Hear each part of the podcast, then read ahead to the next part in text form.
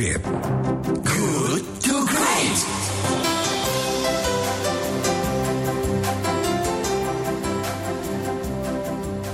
Terima kasih sahabat kelat Anda masih bersama kami pagi ini di Good to Great because good is the enemy of great. Sekarang saatnya kami mengajak Anda untuk sama-sama ngobrol. Jadi Indonesia ini bangga gitu loh. Jadi seorang wanita asal Indonesia ini terpilih menjadi salah satu perempuan dari 100 wanita berpengaruh di dunia tahun ini versi BBC. Luar biasa ya. Nah, namanya itu Sweetenia Puspalestari akrab disapa dengan Tenia. Tenia ini seorang wanita penyelam, ya, diver yang sering menemui sampah berserakan di pantai atau di permukaan laut. Karena tergerak oleh kepeduliannya pada kondisi polusi dan kebersihan laut, ini mendorong Tenia untuk mendirikan komunitas. Komunitas itu komunitas Divers Clean Action atau disingkat jadi DCA yang berfokus pada isu sampah di lautan. Nah, sekarang ini komunitas DCA apa Divers Clean, Clean Action ini Action. Sudah memiliki 1.500 sukarelawan. Banyak banget ya. Yes, dan mereka bekerja di Indonesia dan di Asia Tenggara. Dan Tenia pun memprakarsai kampanye No Straw Movement di Indonesia yang berhasil mengurangi penggunaan sedotan plastik pakai lebih dari 700 retos restoran, bayangin. Jadi, Sahabat Kelait, bagaimana dengan perjuangan Sweetenia Puspalestari ini? Perempuan dari 100 wanita berpengaruh di dunia versi BBC dan pendiri Divers Clean Action. Kita simak obrolannya bersama Sweetenia Puspalestari dengan rekan saya Aska Said dalam Inspire Out.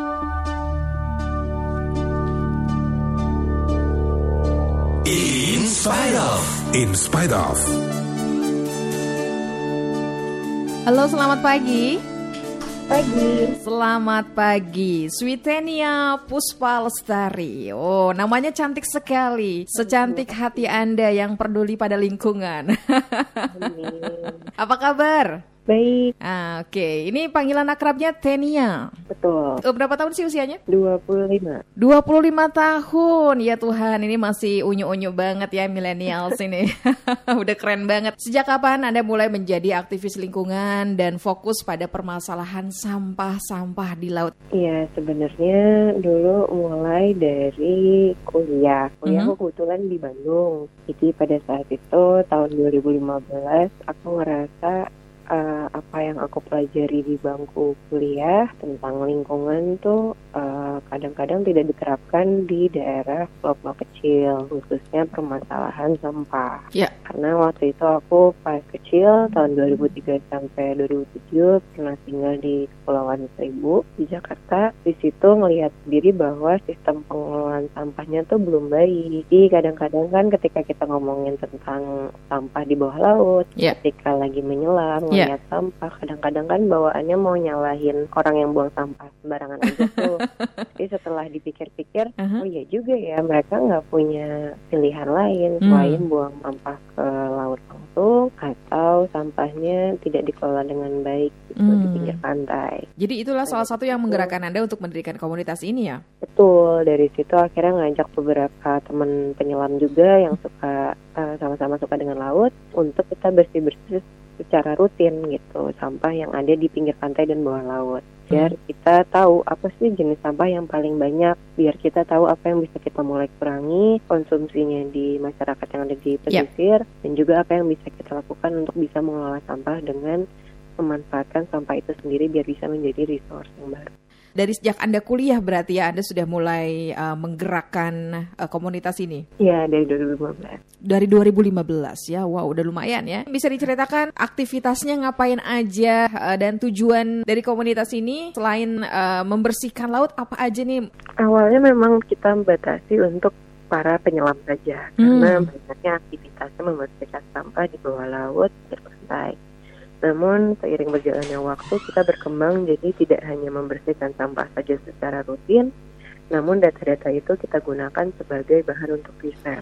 Oke. Nah, dari bahan untuk riset itu kita punya data-data yang bisa uh, memberikan kita insight tentang kampanye-kampanye apa yang bisa kita lakukan. Mhm. Dari mulai kampanye untuk mereduksi sampah, Oke. hingga kampanye untuk langkah-langkah bisa mengolah sampah. Dari pengalaman kampanye-kampanye itu kita melakukan berbagai pelatihan dan juga kita melakukan program-program pengembangan masyarakat secara langsung. Iya. kan?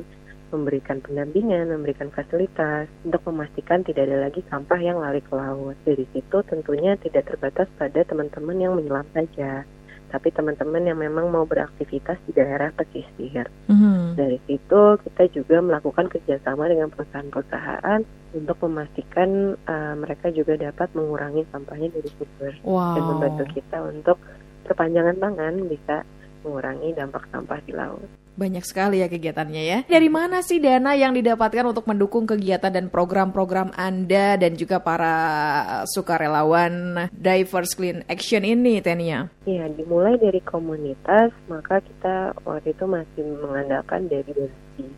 Namun uh, kita berkembang menjadi yayasan yang resmi di tahun 2017 uh, secara terregister di pemerintahan. Oleh karena itu kita juga mendapatkan dana dari dana hibah dari uh, apa namanya grant internasional maupun.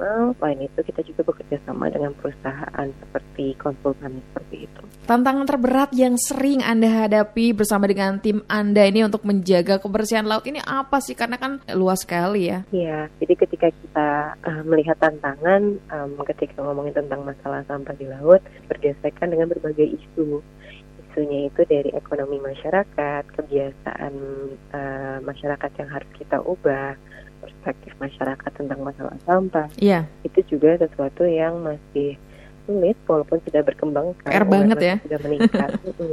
Untuk mengubah uh, behavior itu sendiri. Selain itu juga ketika kita ngomongin tentang permasalahan sampah di laut, kita juga bergesekan dengan permasalahan lingkungan lain seperti climate change, Aha. sustainable fisheries dan lain-lain. Iya, iya, iya. Beberapa bulan lalu Tenia ini terpilih ya menjadi salah satu 100 wanita berpengaruh di dunia versi BBC. Bagaimana sih cerita awalnya? Ih, keren, merinding banget nih. ini gim- gimana sih cerita awalnya Anda bisa terpilih menjadi wanita berpengaruh dari 100 wanita lainnya? Awalnya sih nggak nyangka banget ya. Jadi ada email uh, yang bilang bahwa selamat Anda masuk ke nominasi, terus mereka butuh beberapa konfirmasi tentang apa yang saya lakukan di lingkungan. Di situ um, ya udah maksudnya tidak menyangka bahwa itu sesuatu yang sangat besar. Akhirnya Iya. saya jawab saja bahwa iya betul kegiatan seperti ini. Terus habis itu dampak yang sudah kami lakukan uh, apa saja. Mhm. Terus nggak lama uh, ada BBC Indonesia yang mengontak juga untuk melakukan wawancara secara langsung dan pengambilan video. Wow. Di tahap itu aku kira masih uh, nominasi saja gitu kan. dan aku malah fokusnya ya udah kerjaan yang di lapangan gitu. Terus nggak lama dapat notifikasi bahwa sudah keluar listnya sedunia dan di situ pas aku buka linknya ada Greta Thunberg, aktivis lingkungan internasional, terus ada politikus Amerika, ada AOC, ada pemain bola Uh, dunia ada Megan Rapinoe gitu kayak wah ini sesuatu yang serius gitu keren. lalu aku langsung uh, apa namanya memberitahukan timku dan Aha. alhamdulillah uh, menjadi penyemangat lebih lagi bagi Uh. karena ternyata uh, kerjaan kami diakui sampai dunia. Alhamdulillah ya. Iya, saya juga ikut bangga sebagai wanita Terima kasih. karena Anda mewakili wanita lainnya ya. Eh, bagaimana eh, motivasi atau mungkin dorongan yang diberikan oleh orang tua Tenia dengan apa yang sudah Anda lakukan sampai sejauh ini? Pastinya beliau nggak nyangka ya karena uh, harapannya pastikan mungkin setelah kuliah waktu itu uh, tidak menjadikan ini sebagai uh, pemasukan utama atau Mhm. pekerjaan utama. Mm-mm. Uh, beliau menyangka ini hanyalah uh, hobi semata gitu kan. Namun karena uh, saya membuktikan bahwa keseriusan ini bisa membuahkan hasil Iya. gitu kan dan dampak yang besar, Mhm. akhirnya mm, mereka setelah melihat uh, saya diakui oleh media nasional dan internasional pastinya bangga banget dan terus mendukung. Ini sebuah pembuktian hobi yang memang menghasilkan dan juga bermanfaat bagi banyak orang ya Tenia ya. Iya. Oh ya Tenia, Anda juga menginisiasi kampanye uh, dengan hashtag No Straw Movement. Ya ini tanpa sedotan, minuman tanpa sedotan ya. Berhasil uh, mengurangi penggunaan sedotan plastik sekali pakai ini lebih dari 700 restoran. Wih banyak banget ya. Kampanye seperti apa yang dapat Anda lakukan untuk mengurangi uh, penggunaan sedotan plastik ini Tenia? Iya, jadi di awal salah satu data yang kita kumpulkan sampah yang paling banyak itu sampah plastik sekali pakai. Mm-mm. Uh, salah satunya adalah sampah sedotan selain sampah kresek, sampah saset dan sampah lainnya. Mhm. Dari situ kita mencoba untuk melakukan kampanye secara langsung pada masyarakat Ya. untuk menolak uh, sedotan di restoran atau uh, warung makan. Uh, karena ketika kita bikin kampanye, kita kasih tahu bahwa uh, sedotan itu kan sebenarnya sangat tersier. Itu tidak butuh-butuh banget. Misalnya teman-teman yang berkebutuhan khusus Oh iya. maka kita bisa uh, mengkampanyekan gerakan minuman Mengurangi pokok ya. sebenarnya. Jadi bisa langsung minum dari gelasnya. Iya. gitu.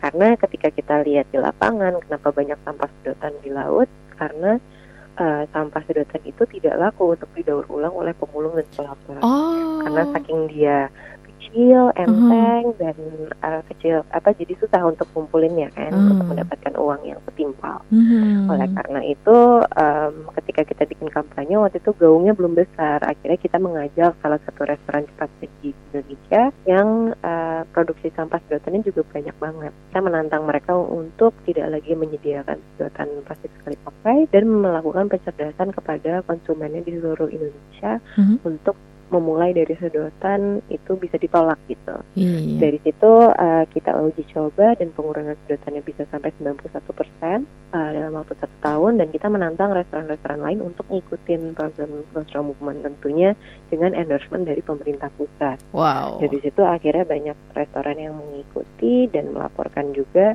ke kami karena Hmm. mereka menggunakan data-data uh, proyeksi sampah sedotan yang kami uh, lakukan gitu. Kita lakukan studi singkat yang menyatakan bahwa perharinya sampah sedotan di Indonesia itu bisa sampai 93 juta batang. Uh, Kalau banyak sekali. de- kayak jarak dari Jakarta hingga Mexico City gitu. Mhm, mhm. Dan akhirnya alhamdulillah berhasil ya lebih dari 700 restoran mulai mengikuti kampanye ini ya. Keren Ya, sekali. dan harapannya itu baru permulaan Baru karena permulaan. tidak hanya sedotan yang kita minta untuk Banyak banget soalnya PR-nya ya. Iya. Tenia, ini apa sih cerita Anda suka dukanya dari pengalaman Anda menjadi aktivis lingkungan untuk membersihkan lingkungan laut ini? Sebenarnya berat banget ya ketika dibilang aktivis. Karena saya juga masih belajar, saya hanyalah pecinta laut. Aha. Tapi eh, ketika ngomongin tentang kebersihan laut ini suka duka sebagai individu tentunya berat karena waktu itu mulai kan sebagai mahasiswa. Jadi gimana caranya biar eh, saya didengar oleh Mhm. uh, orang yang lebih tua atau pejabat-pejabat, Ya. baik di pemerintahan maupun di perusahaan swasta.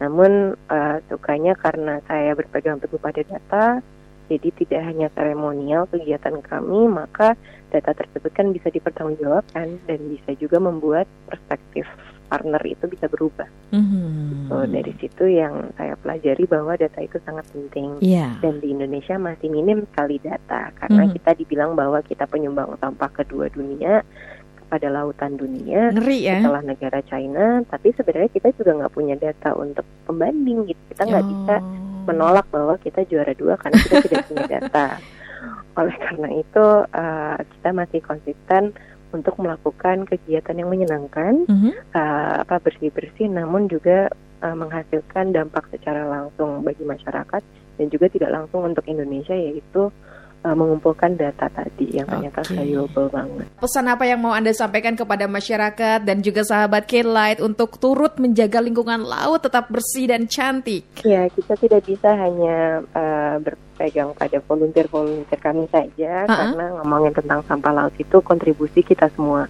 Mungkin kalau teman-teman khususnya di Bandung ngerasa laut itu jauh banget gitu ya, nggak ada sumbangsi dari kegiatan saya sehari-hari.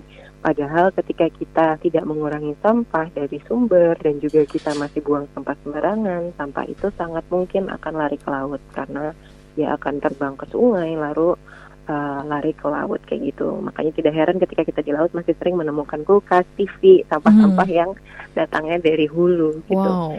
Jadi kita butuh bantuan semua masyarakat di Indonesia Mhm. untuk bisa tadi mengurangi sampah dari diri sendiri, lalu bisa mulai ke mana-mana itu bawa tempat makan dan tempat minum guna ulang. Jadi Mhm. ketika kita mau uh, membungkus makanan, kita tidak lagi menggunakan tadi plastik sekali Iya. pakai yang sangat sulit untuk didaur ulang. Setuju. itu selain itu di rumah atau di kantor kita bisa mulai memilah sampah agar lebih mudah untuk terserap oleh pemulung atau pelapak dan didaur ulang dan tidak lari ke laut. Baik, terima kasih Tenia sudah mau ngobrol bersama dengan kami di sini. Sehat terus untuk Anda. Terima kasih juga. Salam untuk timnya ya. Tetap semangat. ya baik, terima kasih. Selamat beraktivitas kembali. Ya sahabat Kelet, demikian perbincangan kita bersama dengan Switenia Puspa Lestari atau yang uh, kita sapa akrab Tenia. Ini adalah merupakan salah satu perempuan dari 100 wanita berpengaruh di dunia versi BBC dan pendiri Diverse Clean Action yang bergerak di bidang lingkungan berfokus pada permasalahan sampah plastik di laut. Good to Great